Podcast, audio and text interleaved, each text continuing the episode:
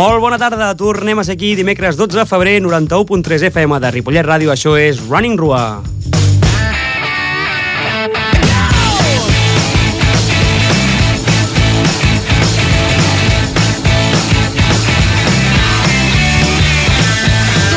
Primer programa de 2014, quart de la temporada, i venim amb moltíssimes coses a dir-vos, moltes competicions per comentar i en una estona amb un convidat, de, un convidat de luxe que de ben segur no deixarà indiferent a ningú.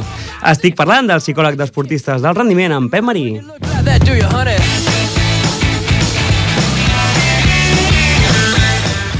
Amb el Jordi Puy a les vies tècniques us parlem a Santi Guardiola i un servidor, el Sergio Gómez. Estem en rigorós directe, són les 8 i 9 del vespre. Comencem!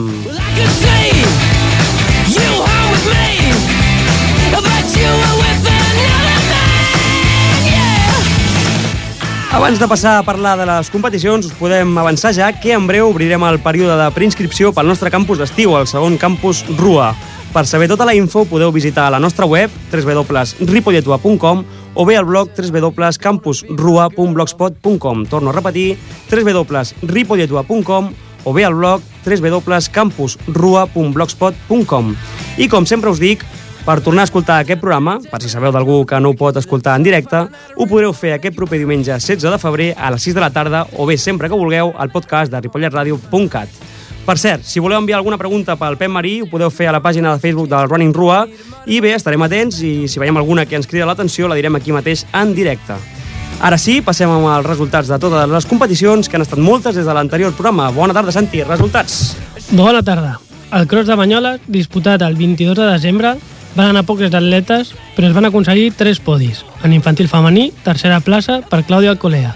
En arabi femení, segon lloc per Daniela Martínez. I en Benjamí masculí, segona posició pel Teo Rodríguez. El dia 5 de gener al Cross de Vic, dues victòries individuals per Clàudia Alcolea i Teo Rodríguez. Segon lloc pel juvenil Carlos Roguera i tercera posició per la Daniela Martínez.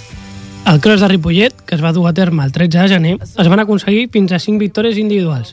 Primer lloc per Celia Selma en juvenil femení, pel David Facienda en júnior masculí, per Isabel Jurado en cadets, per Alevi Brahim Dahak i pel Benjamí Teo Rodríguez. En segona posició van quedar els següents. En infantils, Clàudia Alcolea, en alevins Alejandra Camps i Joan de la Torre, i en benjamins June Dahak. Tercera posició per la júnior Raquel Gutiérrez, per a l'Avi Laura Torres i pels prebenjamins Ayelen Baca i Marc Iran. El mateix dia, els millors atletes catalans a partir de la categoria cadet es van desplaçar fins al País Basc a disputar el cross del Goibar. Quatre dels nostres van ser seleccionats i tots ells van fer un gran paper, destacant el quart lloc aconseguit per la, a la prova juvenil per Carlos Roguera. Paola Carmona va ser novena a la prova cadet, Jasmina Martín va ser quinzena a la cursa júnior i Clàudia Martínez dotzena en juvenils. També hem de destacar la segona posició de la Daniela Martínez en categoria a la vi. El 19 de gener era el torn pel cross de Sabadell. Els equips cadet femení, a l'AVI femení, Benjamí masculí es van proclamar campions per equips. A nivell individual, victòria per Sergi Martín i Ibrahim Dahak, en cadets a l'Evin respectivament. I segona plaça pel Benjamí Marc Iran i per la infantil Clàudia Alcolea. El diumenge 26 de gener, al cross de Vidreres, Daniela Martínez i Clàudia Alcolea van guanyar en alevins infantils, respectivament. Segona posició del podi per la juvenil Clàudia Martínez, per la cadet Judit Bermúdez i pel Teo Rodríguez amb Benjamins. I tercera plaça per la cadet Isabel Jurado i per l'aleví Laura Torres. Per anar acabant, el passat diumenge 9 de febrer, al cross de Canovelles, molts podis pels atletes del Rua. Victòries per la Daniela Martínez i pel Brahim Dahak en alevins. Segona posició pel prebenjamí Marc Iran. Pel benjamí Teo Rodríguez, per Asma Dahak en infantils i per la cadet Judit Bermúdez. I tercer lloc per la prebenjamí Carla Gelabert. Pels benjamins Junes Dahak i Mariona Àrias. Els alevins Laura Torres i Joan de la Torre. Els infantils Tristan Montero i Judit Riera. I el cadet Isabel Jurado. I finalment destacar també que a part del cross, alguns atletes ja han fet alguna prova de pista per aconseguir marca mínima per classificar-se als campionats d'Espanya i de Catalunya. Amb Benjamins, Teo Rodríguez, Yunes Dahak, Antoni González i Dida Carqueros van aconseguir molt bones marques als 1.000 metres llisos. En aquesta categoria no hi ha mínima, però les 50 millors marques donen accés a la jornada prèvia del Campionat de Catalunya. En alevins, aquí sí que tenim mínima i la van aconseguir a la prova dels 2.000 metres llisos amb Brahim Dahak, amb Bernat Pubill i la Laura Torres. En infantils, Asma Dahak i Clàudia Alcolea també van fer bones marques als 1.000 i 2.000 metres llisos respectivament. I en mínima pels campionats d'Espanya, en pista coberta, els cadets Sergi Martín i Paula Carmona en la prova de 3.000 metres llisos, Jasmina Martín en júniors i Clàudia Martínez en juvenils, les dues al 1.500, i Carlos Roguera amb mínima al 800, al 1.500 i al 3.000, i que anirà a la prova, a la, a per la prova reina al 1.500. I per acabar amb els resultats. El diumenge passat el Carlos Roquera es va proclamar campió de Catalunya a la prova dels 3.000 metres llisos, en pista coberta, amb un temps de 9 minuts i un segon, i la Cèlia Selma va ser quarta en categoria femenina. Hem de dir abans que hem tingut un petit error i la Clàudia Alcolea va guanyar a la prova de Canovelles. Hem dit que va guanyar, va guanyar l'Asma Malhac, va quedar segona i la Clàudia va ser primera. Efectivament. Això mateix. Bé, doncs, felicitats a tots i enhorabona també, com sempre, a aquells que no anomenem explícitament, però que també competeixen i s'esforcen com a mínim tant com els primers. Enhorabona a tots. I aquest proper diumenge 16 de febrer tenim el Campionat de Catalunya de Cross a Caldes de Malavella i a la setmana, a la setmana següent, el dissabte 22 de febrer, tenim aquí a Ripollet la fase local de pista on els atletes del RUA es trobaran amb els escolars del poble a la nostra pista d'entrenament.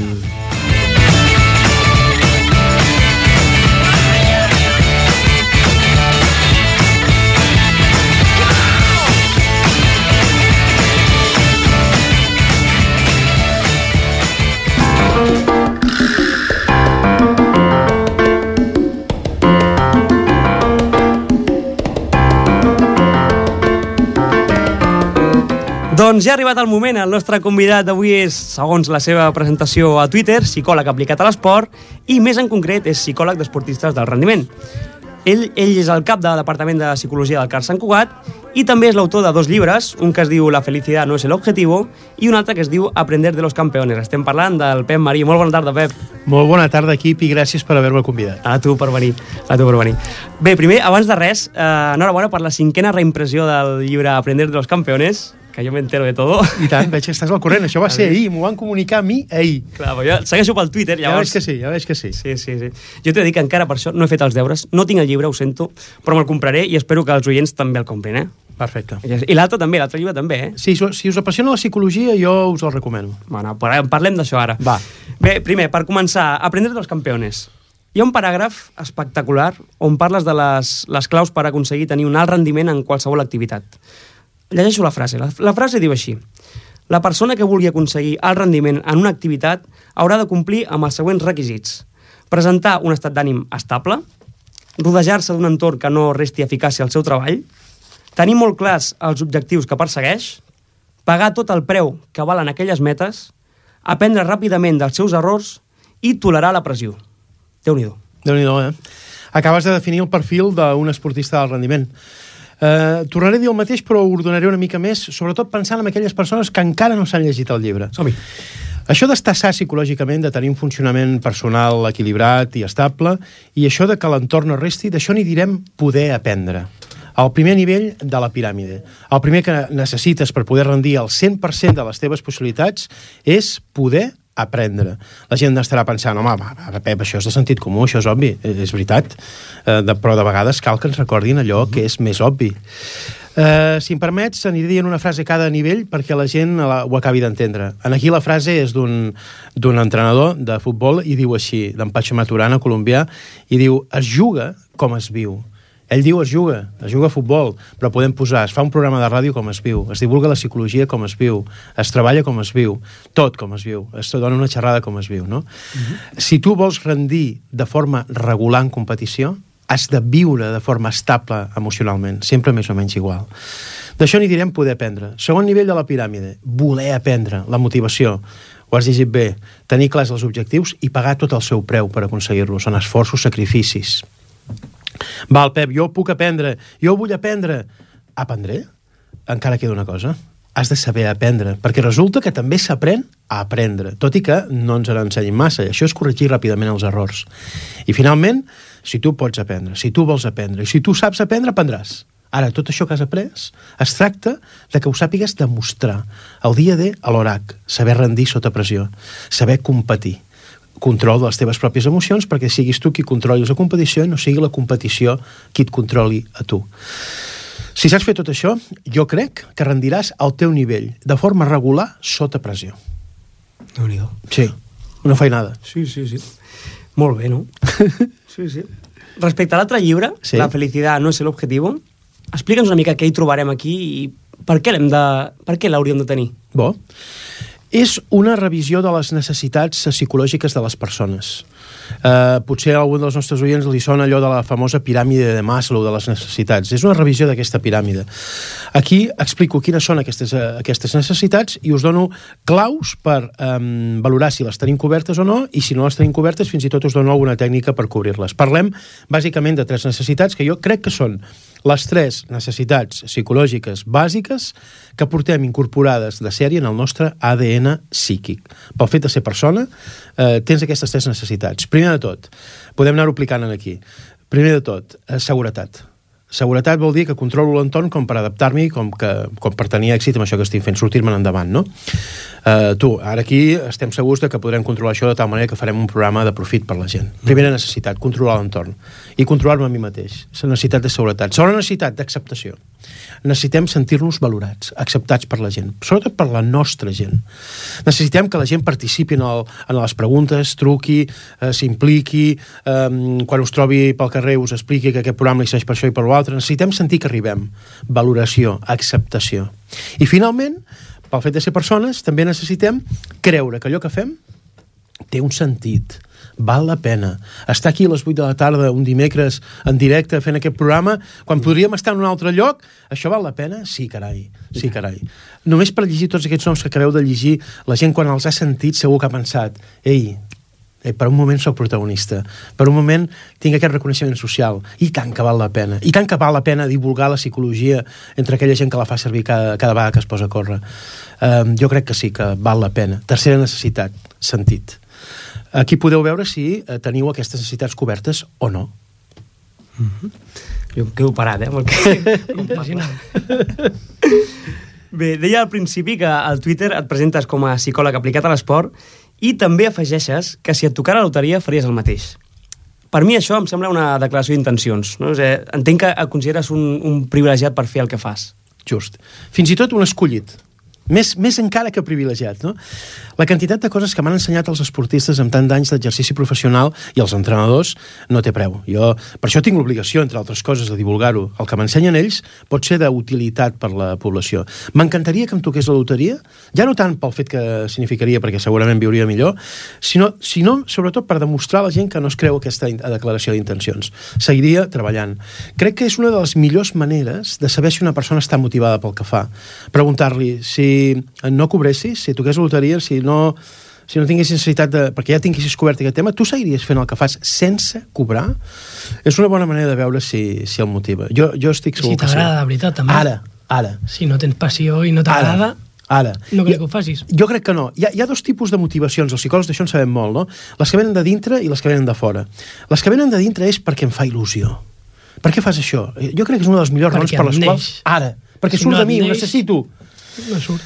Tu, eh, ho faria encara que no em veiés ningú perquè ho faig per mi. I després hi ha les motivacions que venen de fora, premis, diners, mm, objectes materials, reconeixement, fama, prestigi, bla, bla, bla. Jo penso que hi ha d'haver-hi de, les, de les dues. Però, han de, però, però, han, sí, però han de predominar les primeres. Han de predominar les primeres. Si però vols no ser... que siguin les millors, les primeres. No, he vist... Eh, M'agrada aquesta intervenció d'en Santi. Santi, em dius, veritat? Sí. M'agrada, perquè jo he vist fer esportistes autèntiques barbaritats, vull, quan dic barbaritats vull dir persistir molt en l'esforç durant molt de temps seguit, estar molt i molt motivats cada dia, només per demostrar a un seleccionador que s'havia equivocat quan el va deixar fora de la llista. I això és una motivació totalment externa, però que motiva. Uh -huh. Per això dic que l'important... A la facultat em van ensenyar que, que, que totes havien de ser de les primeres, de les intrínseques, que en diem els psicòlegs. Però els esportistes van fer veure que no. Que el has de fer és tenir el dipòsit ple de benzina. És igual si és super o dièsel és igual, és igual. Um, el que l'has de tenir ple de motivacions. Quantes més motivacions tinguis, molt millor. Jo crec, crec, crec que sí. I, i crec que sóc una, un, un privilegiat, en concret perquè uh, puc viure del que m'apassiona del que m'apassiona. Jo em, em diria que per ser el millor en una activitat, o si més no dels millors, t'ha d'apassionar. La, la passió directament no et fa ser el millor, però la, la passió el que et dona és poder portar un estil de vida que et permet ser el millor. Un estil de vida on has de prioritzar l'activitat en la que vols ser millor, la preparació per a aquella activitat. I has de passar de tota una sèrie de renúncies i sacrificis. Però, esclar, si t'apassiona, ja no són renúncies i sacrificis. L'altre dia vaig escoltar un esportista olímpic que deia, un periodista li preguntava, a què has hagut de renunciar per, per aconseguir aquesta medalla? I deia, escolta, a res, a res. Mm -hmm. Jo he escollit viure així. A mi m'encanta viure així. És la meva elecció. Clar. Eh, vull viure així. Eh, pogués triar, tornaria a triar tornar a viure així. No, no renuncio res, és, el que jo vull. Per tant, amb passió, les renúncies no, no, no, no són renúncies. Amb passió no, és com si no treballessis. És com si... Sí, eh, això, com si... Val? Ah, això mateix, Sí, això sí. mateix. Si ho fas amb passió. Escolta, seguint amb el, amb el Twitter, jo et segueixo des de fa temps Ahà. i la veritat és que podria enumerar pràcticament totes les, les, que, les frases que poses, però, bueno, et direm unes quantes Vinga. i les comentem. Què et Va, sembla? perfecte, bon joc. Va, començo. La meva feina com a psicòleg consisteix en quedar-me sense feina. Treballo per fomentar l'autonomia de les persones. Ho trobo bàsic, bàsic. Eh, quan els esportistes competeixen, competeixen sols, o en, o en equip, o en equip, si és l'esport d'equip. Tu allà no hi ets, tu allà no hi ets. Els has de saber fer independents de tu, perquè a l'hora de la veritat estaran sols. A l'hora de la veritat estaran sols. Um, ens impliquem o no ens impliquem amb l'esportista? Um, és pràcticament impossible no implicar-te. Ara recordo en un cas amb una selecció nacional, ara recordo vaig estar amb tot un equip, amb 16 jugadors i 4 d'estaf, un mes seguit a Austràlia, uh, convisquent les 24 hores del dia. Potser les 24 no, perquè havíem de dormir. Però és impossible, és impossible no implicar-te emocionalment quan convius tan estretament amb unes persones i poses tant de la teva part per aconseguir aquell objectiu que tenim entre tots. No? És impossible no implicar-te. El tema és, no és, m'implico o no m'implico? No, m'implicaré segur. El tema és fins on t'impliques. I crec que el límit està justament en condicionar l'autonomia de l'altra persona. Si jo, a l'hora de fer de psicòleg, et faig depenent de mi, jo ho estic fent molt malament, molt malament. De vegades tinc dues intervencions i no sé quina, per quin optar. Acabo optant per aquella que fomenta més l'autonomia de la persona amb la que estic treballant. Per mi és un valor fonamental. Un esportista sense ser autònom no pot excel·lir, no pot arribar a l'alt rendiment, no pot arribar a l'excel·lència. És imprescindible que aquest tipus sàpiga funcionar sol i buscar-se la vida sol davant dels problemes que li plantejarà la competició. Em ve ara a la memòria el, el Lion Thorpe, no? que no, no ha sabut, no s'ha sabut eh, retornar, bueno, això, no? no que, Possiblement el que no ha sabut és um, canviar les seves fonts d'autoestima. Ah, sí. L'autoestima que li donava l'esport. Això- Aquestes tres necessitats que dèiem, la seguretat, l'acceptació i el sentit que li donava el fet de practicar esport i tenir el reconeixement que tenia, No no ha sabut vida. trobar-ho en, una, en una altra activitat. En una altra activitat. Uh, per això uh, s'ha desmuntat l'edifici, perquè no hi ha punts de suport. O potser, per una cosa molt semblant a aquesta, que tot depenia de l'esport que tot depenia d'un sol punt de suport. Era com si fos una cadira amb una sola pota, com un tamboret. I és bo que tot depengui de l'esport? En absolut, en absolut. Aquesta, aquesta és una cosa important Complicat, per, a parlar. Eh, em, Ara, ara intentaré explicar una imatge que gràficament, si estiguessin aquí davant els nostres oients, veurien en seguida que la representaré amb els cinc dits d'una mà. Tots fem moltes coses, però coses que siguin realment importants per nosaltres. Que el nostre estat d'ànim depengui d'aquestes coses. Que la nostra autoestima depengui de si ens surten bé aquestes coses o no. Que, fins i tot us diria que, que el sentit de la nostra vida depengui d'aquestes coses, no n'hi ha tantes. No n'hi ha tantes. Anem a suposar que jo en tinc cinc. Cinc punts de suport. Tinc la feina, el car, tinc la meva parella, tinc la meva família, tinc els meus amics i tinc una altra feina fora del car que em penso que algun dia serà la meva veritable feina, perquè jo potser me'n vaig equivocar, i jo havia de ser músic, i tinc una passió per la música. I aquesta quinta activitat és la música. Cinc punts de recolzament. T'agrada aquesta manera de funcionar? Depèn de per què. La resposta d'un psicòleg sempre és depèn, això també ho, sempre, sempre ho explico. Eh? sí, sí, sí. Per ser estable, per ser feliç, cinc punts de, de recolzament és perfecte, o quatre. Quatre dits, quatre o cinc dits, és perfecte. Però per aconseguir el rendiment és fatal. Per què? Perquè reparteixes massa l'esforç. Anem a suposar que tenim 100 unitats d'esforç i ho hem de repartir entre 5 punts de recolzament, els 5 dits. Toquen a 20 punts per cada, per cada dit. Amb, amb 20 punts no, no arribes a l'alt rendiment en cap activitat professional. Eh, T'agrada 5? T'agrada 4? Depèn de per què. Per ser feliç i estable, sí. Per tenir el rendiment, no. I com ho solucionem? Un, el que deia en Santi, un sol punt de recolzament, fatal. Tot depèn, si tot depèn d'un sol punt de recolzament, fatal, perquè això fa una mica de vent i aquest dit es mou. Ets molt inestable emocionalment. No, no, se juega com se vive. Al matí estàs trist, a la tarda estàs content, a la nit un altre cop trist, al- amunt i avall. Si ets tan irregular visquent, també seràs irregular competint. Llavors això vol dir que per arribar al rendiment hem de, Quants deixar, posaries? hem de descartar coses. Ara. Jo, jo, Ara. jo, jo no ho diré perquè ho sé. Ho sé perquè t'he Tu, tu escoltat. perquè has llegit el llibre o alguna cosa o m'has escoltat. Sí, Quants en sé. posaries tu? Tres. Ara. 3 és l'equilibri perfecte. Ni un ni dos, ni 4 ni 5, 3. És l'equilibri perfecte entre centrar l'esforç, però ser estable, tenir estabilitat. Una d'aquestes tres ha de ser l'activitat en la qual tu vols excel·lir. I les altres dues, les que tu vulguis les que tu vulguis. M'agrada molt aquesta intervenció d'en Santi. Diu, això implica que, per tant, per optar un, a un, a un objectiu de rendiment, has de renunciar a coses, imprescindible. Tot no pot ser, ho sento molt. Tot no pot ser. El preu que has de pagar per aconseguir una cosa consta de tres tiquets. Un són les renúncies i els sacrificis que has de fer per poder treballar i centrar-te en allò. L'altre L'altre són els esforços que has de fer per complir amb el programa, donar el callo, pagar tot el preu. I n'hi ha un tercer que la gent se l'oblida i que el podem fer servir ara amb els oients que ens estan escoltant. Uh -huh. Pagar el preu vol dir renunciar als renúncies, sacrificis, esforços, i una tercera, que és assumir les conseqüències d'aquest compromís. Ho dic, ho dic d'una altra manera.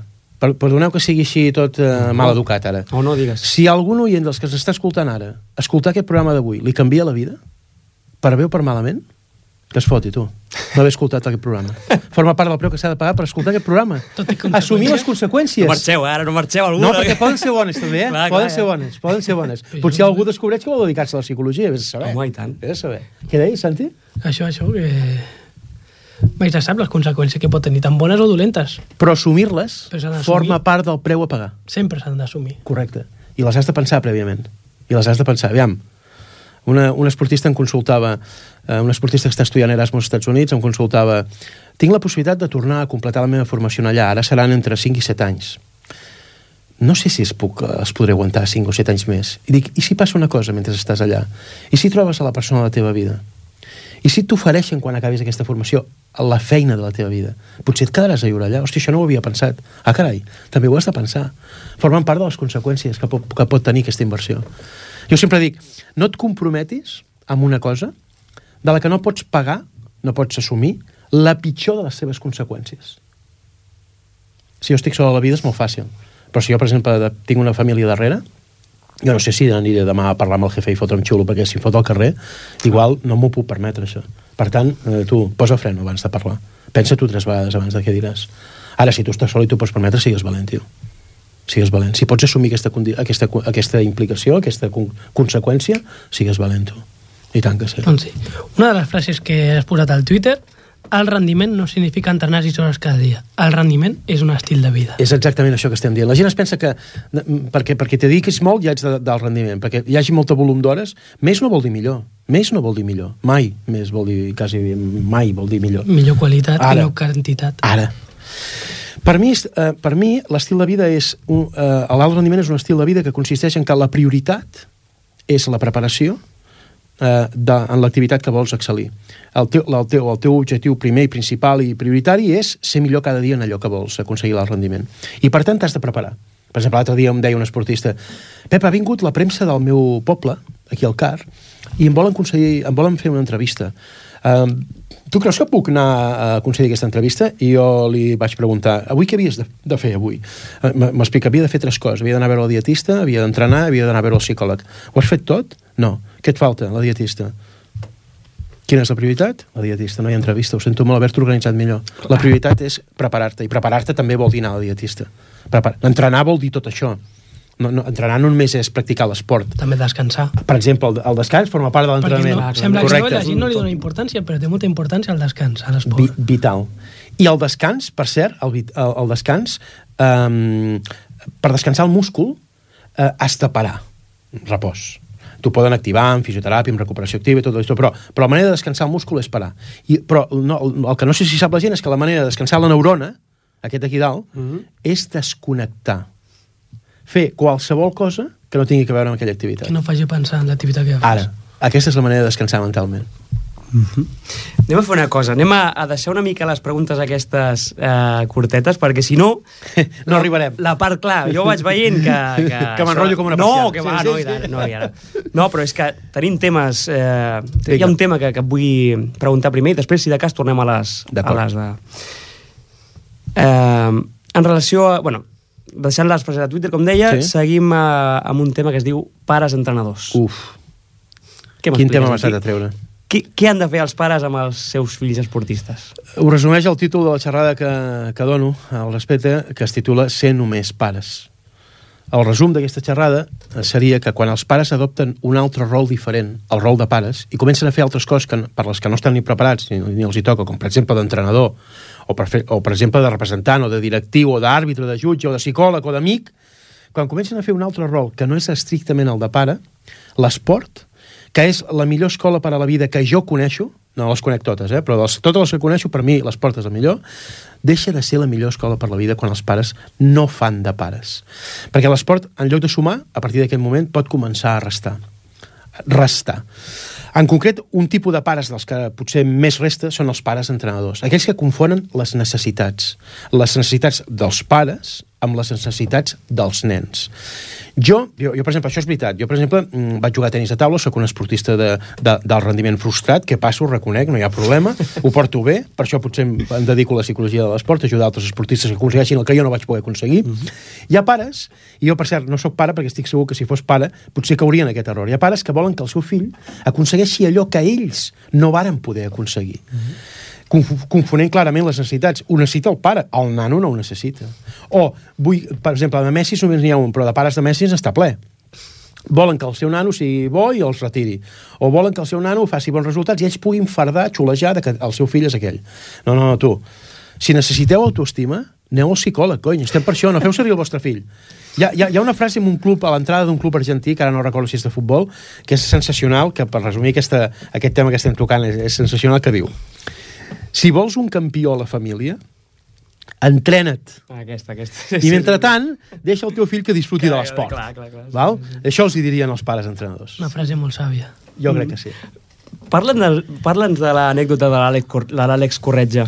Va molt bé per il·lustrar, va molt bé per il·lustrar, bona tria, bona tria, va molt bé per il·lustrar uh, la piràmide aquella que estàvem dient abans, uh, havíem començat dient poder aprendre, això era el primer. I, eh, ah, calla, calla, ara no sé si et refereixes a la que participa el seu pare? Bueno, jo tenia pensada aquesta, sí. però bueno, tu... tu, eh, tu... Comencem per aquesta, aquesta, aquesta és molt bona, aquesta és molt bona, aquesta és molt bona perquè aquesta demostra, aquesta demostra que els valors es mamen.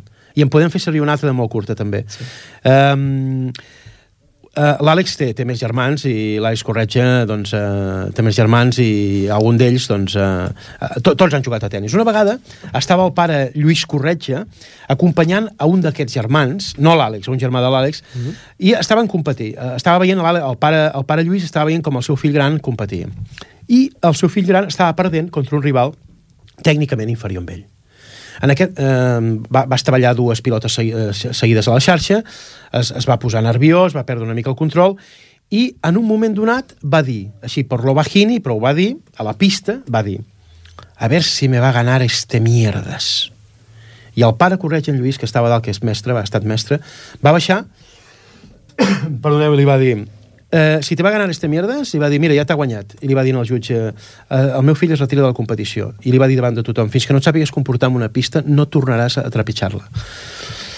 Quina casualitat que pocs anys més tard, el seu germà petit, l'Àlex, surt de campió, comença a competir a nivell internacional i eh, es dona un premi eh, que el donen els mateixos jugadors de tennis, els professionals, voten ells qui és el jugador amb més fair play. Es diu Stefan Edberg, en homenatge a un tenista famós que, que tenia molt fair play.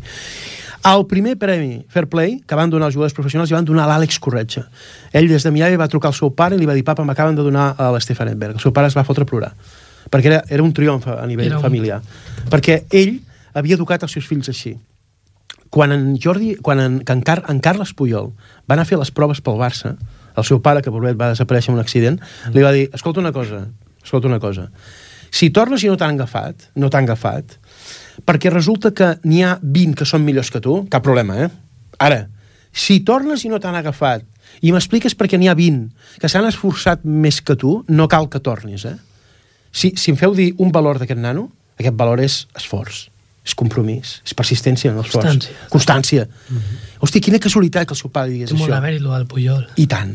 Veieu com els valors es mamen mm. de l'entorn familiar? Sí, sí, sí. A mi això el que em ve al cap ara, el que dius, que el resultat no és, eh, no és, no és no és l'objectiu, és una conseqüència, potser. Jo és el que dic. Excel·lent. Mira, diré el mateix que has dit tu, però amb les meves paraules. Sí.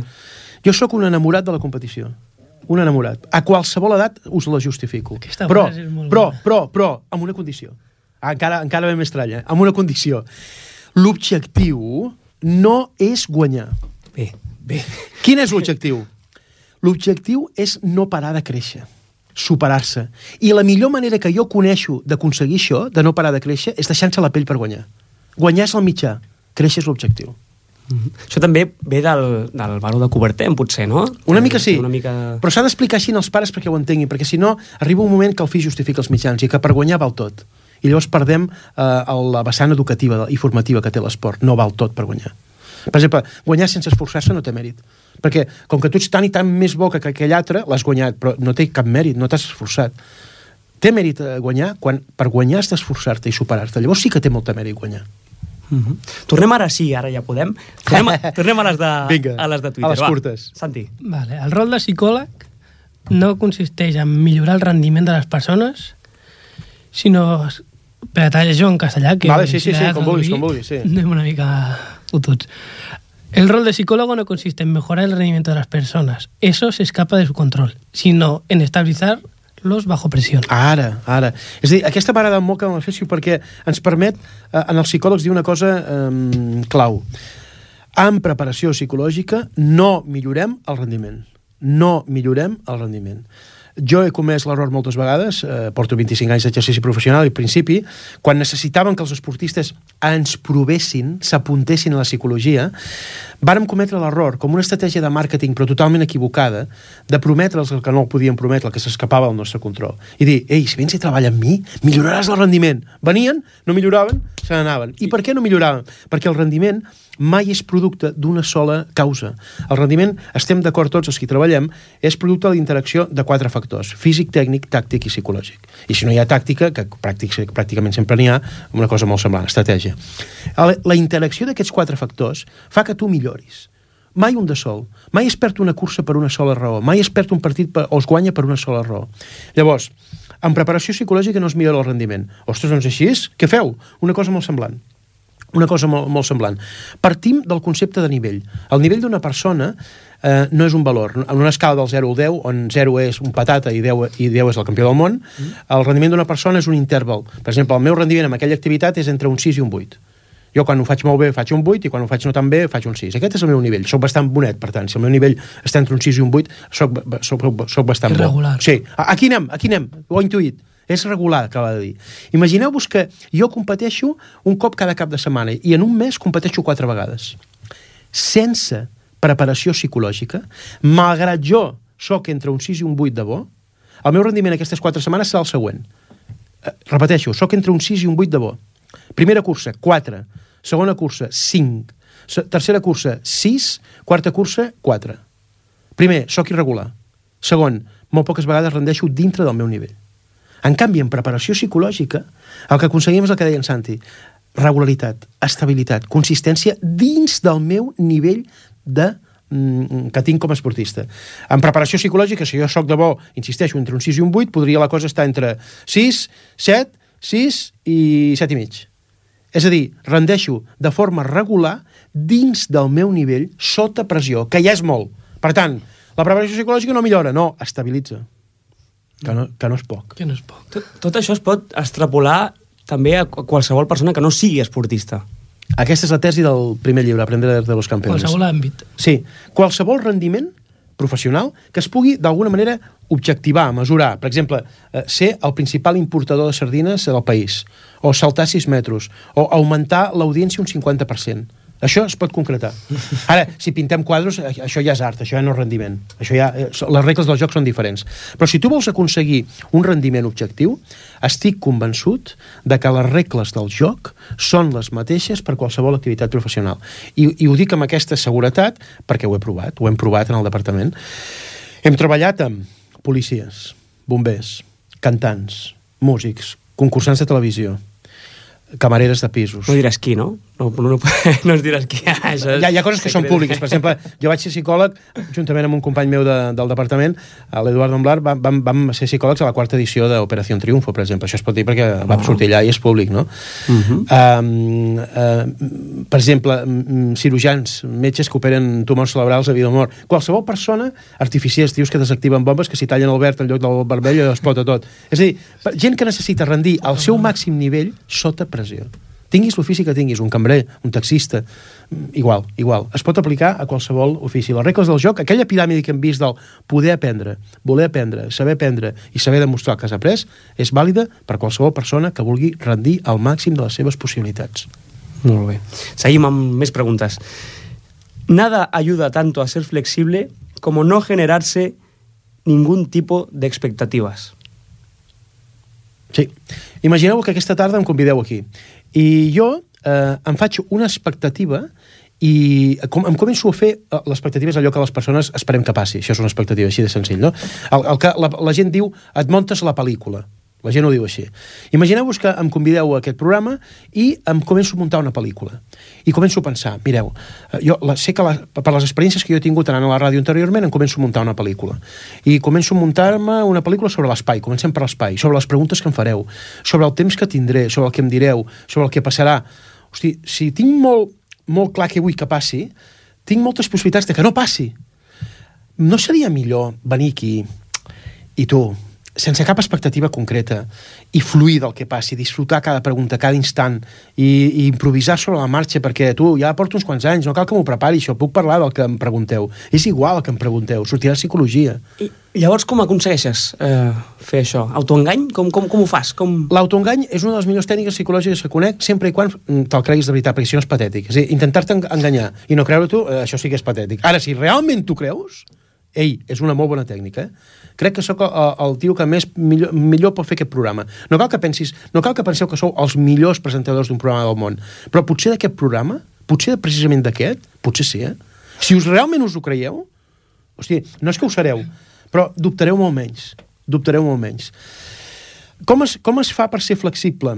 Um, funcionant, funcionant amb probabilitats en lloc d'encerteses. Ser flexible no és saber-se adaptar al medi? És exactament això. És exactament això. Jo quan treballo amb entrenadors, eh, explicarem un exemple que els nostres oients ho, ho, ho pillaran en seguida.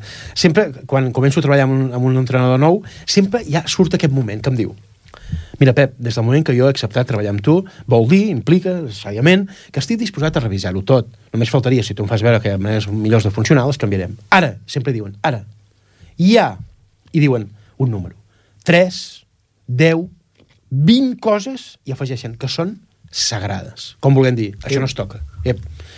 Us puc garantir que quantes més coses sagrades tinguem, més difícil ho tenim per ser Ara, flexibles. que- que aquesta aquesta la tenim. altra, aquesta una Aquesta la altra, sí, teníem. sí, sí, sí, sí, sí. Jo no desitjo a la gent que sigui feliç, allò, que siguis molt feliç. Jo sempre dic, tu, que siguis molt flexible. Per mi la flexibilitat, flexible mentalment, eh? Flexible Sí, no, mentalment, no, eh? Per mi la flexibilitat... No, a l'altre qualitat també, no? També, també, exacte, també ajuda. Per mi la felicitat, perdoneu que sigui tan poc romàntic i tan materialista i tan psicòleg, per mi la felicitat és flexibilitat. Però realista a la vegada. Sí, Clar. sí, sí, és veritat, és veritat. Mm -hmm. Mira, la frase que teníem pensada de preguntar-te, però ja... Les sagrades? Sí, no, la de... Cuantas más cosas sagradas tengas, sí, Exacte. más infeliz serás. Ah, si no eres flexible mentalmente, no te adaptas rápido. Ho has dit tu, eh? No Ja ho hem t'adaptaràs. parlat Ja ho hem i- parlat, sí. Y una otra pa- para, la- para los entrenadores. Un truco para saber si una persona cumple con su programa de entrenamiento a distancia. Que bo. Aquesta és molt La sesión trampa. Que bo. Si no te dice nada, ni se lo lee. Està molt bé, aquesta. Ei, mm, no cal gaire tecnologia, de vegades. No calen gaires proves, cal una mica d'enginy, d'imaginació. De vegades la necessitat aguditza l'enginy. Mireu que fàcil, mireu que fàcil, no? La, la sessió trampa ha de ser una sessió que, quan a l'esportista ho llegeixi, eh, no tingui cap mena de dubte de si t'has equivocat o no. No, no, ha de ser una cosa impossible de complir. Un, un, un metratge, un quilometratge, una distància que, que ell no ha fet mai amb uns ritmes que són impossibles per ell. Vull dir, que, en cap, que el primer que ha de pensar és aquest tio està boig. S'ha tornat boig, aquí s'ha pres alguna cosa, aquí què, què ha passat? S'ha equivocat? Sí. Això no pot ser, no? de cap manera, aquí s'ha equivocat. I a continuació t'ha de trucar, immediatament. Perquè si no et diu res, no només no vol dir que aquesta sessió no l'ha fet o que hi ha sessions que se salten, no, no, és que no, ni s'ha llegit el programa. Que no està implicat, no? Ara, ara, ara, ara. Alerta amb això. Sessió trampa, molt bona manera de valorar el compliment. Com és d'important un psicòleg en un club? O bé per a un esportista? És necessari? I si fos així, quan és el moment d'acudir? Carai. Mireu, eh, jo els hi demano als meus esportistes que em diguin d'aquests tres quins volen, quin, quin volen ser, d'aquests tres quin volen ser, per tal de valorar quin és el seu nivell d'ambició. Jo els hi dic, qui- i podríem fer la pregunta ara igualment, no? És dir, què voleu ser? Un programa de ràdio més? un dels millors o el millor de l'emissora? Un mes? Un dels millors o el millor de l'emissora? Per ser un mes no cal psicòleg. Ara, si voleu ser un dels millors, us el recomano. I si voleu ser el millor és imprescindible. No psicòleg, perdoneu, m'he equivocat. Preparació psicològica, incorporar la psicologia. I una molt bona manera d'incorporar la psicologia és fer-ho a través d'un professional. Mm. Però no és imprescindible per treballar psicològicament. Hi ha esportistes que, que no treballem directament amb l'esportista, ho fem a través del seu entrenador. Hi ha esportistes que no tenen les possibilitats i, i, i tiben d'autodidàctica. Um, el tema és incorporar la preparació psicològica. Um, per què has d'incorporar la preparació psicològica? Uh, primer, per mantenir la motivació. Per més, per més que t'apassioni una activitat, si has d'entrenar dos cops cada dia, arriba un, cinc, dos cops cada dia, cinc dies a la setmana i a vegades fins i tot sis, arriba un moment que tu vas a l'entreno, ens passa a tots amb la feina, i tu, avui aquest matí, si, si per exemple jo hagués pogut triar D'acord, si em toqués la loteria, la loteria faria el mateix, d'acord, però si m'hagués tocat la loteria aquest matí no hagués anat a treballar, tu. M'hagués quedat al llit aquest matí. No sempre et ve de gust. Per poder mantenir la motivació a dalt de tot, i ser exigent en el teu treball, eh, sí que cal que hi hagi una persona que tibi quan no tibes tu. Aquesta és una que raó. El carro. Ara, literalment. I l'altra és, de què carai serveix? Que invertim molts esforços sacrifiquem moltes coses per poder entrenar, per poder-nos preparar. Molts esforços, impliquem a molta gent, molts recursos materials i tot. Si millores molt entrenant, però resulta que perquè no ets capaç de controlar els teus nervis, mantenir la teva concentració i, i tenir confiança en les teves possibilitats, el primer, el primer revés, la primera, la primera que no surt, de què serveix millorar molt entrenant si després quan vas a competir no ets capaç de demostrar tot el que has millorat entrenant, encara que només sigui per rentabilitzar l'esforç, rentabilitzar l'esforç, cal una preparació psicològica. No ens podem permetre el luxe de millorar molt i no ser capaços a l'hora de veritat de demostrar-ho. Com hem de treballar la pressió amb nens i nenes que es posen nerviosos o nervioses quan han d'afrontar una competició? És un tema que molts Clau. nens es posen Clau. histèrics, ja sigui per l'entorn, ja sigui perquè són molt nerviosos. Com podem treballar la pressió amb els nens? Uh, un parell d'idees, un parell d'idees perquè els nostres entrenadors... Uh, jo en sé una... Sí? Comencem per aquí, doncs, va. És la de simular la competició en el propi entrenament. Ei, uh, aquesta és molt... És aquesta molt... és la més efectiva no sé si és la més... d'altres? Exacte, no sé si és la més efectiva, però aquesta jo la recomano. Simulacres, simulacres. Va, tu, ara fem un assaig general. Però, ei, l'assaig general vol dir que, que ho fem tot igual, eh? Quan més igual millor. Per exemple, fins i tot la roba de competició, sí, la sí. de competició, eh? Tot, i els horaris i tot, eh? I els temps d'espeda i tot igual, eh? Si pogués ser, aquesta és molt bona perquè es va acostumant i va veient que, per dir-ho d'una manera, no passa res, és no n'hi ha per tant. Més. Exacte. Aquesta és la idea que us volia donar. Um, odio, odio fer especials les coses. Voleu tenir problemes? Tinc la, tinc la solució. Us garanteixo problemes. Com? Fent especial el que vulgueu. Una cita, una, una competició, un examen, un, un, un, una entrevista, un mitjà, una visita, una situació. Feu-la especial, un rival, un rival, una competició. Feu-la especial i us garanteixo que tindreu problemes. Perquè si la feu especial, i li dieu aquest d'aquí dalt, aquest d'aquí dalt, perquè pels que no em veuen vol dir el cap, li dieu, ei, per exemple, imagineu-vos que jo ara m'hagués dit, aquesta tarda em convida aquesta gent, ui, aquesta tarda m'he de sortir, eh? aquesta tarda he de fotre la millor actuació de la meva vida. Aquest diu, hòstia, la millor actuació de la teva vida, aquest vol dir el cap, diu, no, hosti, tu, no sé si en sabré, he de fer alguna extraordinari, alguna únic, alguna que no he fet mai, i aquest diu, hòstia, no sé si en sabré. Al contrari de desconfiança, al diccionari... El, perdó, de confiança, al contrari de confiança al diccionari, probablement sigui desconfiança. Però a nivell psicològic és dubte. Una sola dubte es carrega tota la confiança. Solució. Solució perquè no passi això. Eh, afrontar exactament igual aquesta entrevista que totes les entrevistes que he concedit anteriorment. Si jo dic tacos, dic tacos, tu. I si no us agrada, no convideu més. S'ha acabat, igual, sense fer especial. Per tant, la recomanació que, que jo donaria per aquests entrenadors és no permetin que els nens facin dos tipus d'afrontaments. Una cosa és afrontar una, un entreno i una altra és afrontar una competició. O una cosa és afrontar una competició poc important i una altra és afrontar una competició molt important. No, no, no, no, no. No, no hi ha tipus, tot s'afronta igual d'una única manera. No canviem res. El mateix que fas per encarar una, un entreno, fes-ho per encarar una competició. Punt. No variem l'entrenament, l'afrontament. No fem especial la competició. Ja prou especial és, només faltaria que sobre encara la fessin més especial. Aquest es desespera, aquest dubte. Mm -hmm.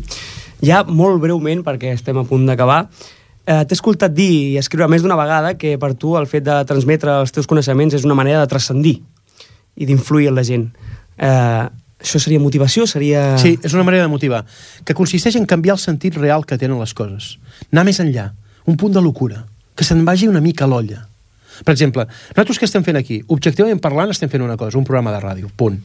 Ara, us explico un, un truc, una intimitat personal. Jo sempre que parlo en públic, sempre, sempre, sempre, em- m'ho crec, eh? M'ho crec. Em, em plantejo, em crec que li canviaré la vida a una persona. Sempre. No sé si ho aconseguiré, és igual, però a mi això em motiva. Jo estic parlant, pa- pa- pensant que avui amb aquesta entrevista li han canviat la vida a una persona. Com a mínim a una. Sí, com a mínim està, a ja- una. ja val, llavors. Hosti, Pep, se te'n va l'olla. Ei, bueno, sí, se me'n va l'olla, però potser sí. Però això em permet prendre'm d'una forma molt més compromesa, amb molta més motivació.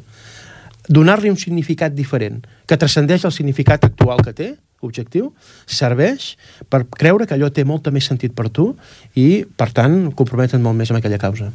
Pep, ho sento molt perquè encara... Això jo volat, eh? Jo estaria parlant molta estona aquí, estaríem parlant tota l'estona fins a les encantats 10 de... Perquè ens apassiona, perquè ens apassiona la psicologia agrada, als tres. Clar, però hem d'anar acabant. Vinga. Llavors, moltíssimes gràcies, Pep. Ha estat un plaer enorme per, per estar aquí amb tu i bé. Gràcies I... a vosaltres per permetre'm divulgar la psicologia. Gràcies.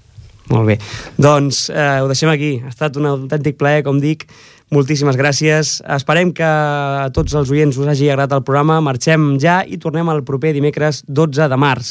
Recordo que aquest programa el podreu tornar a escoltar en redifusió aquest proper diumenge 16 de febrer a les 6 de la tarda i sempre que vulgueu al podcast de ripolletradio.cat. Gràcies a tothom, salut i running rua.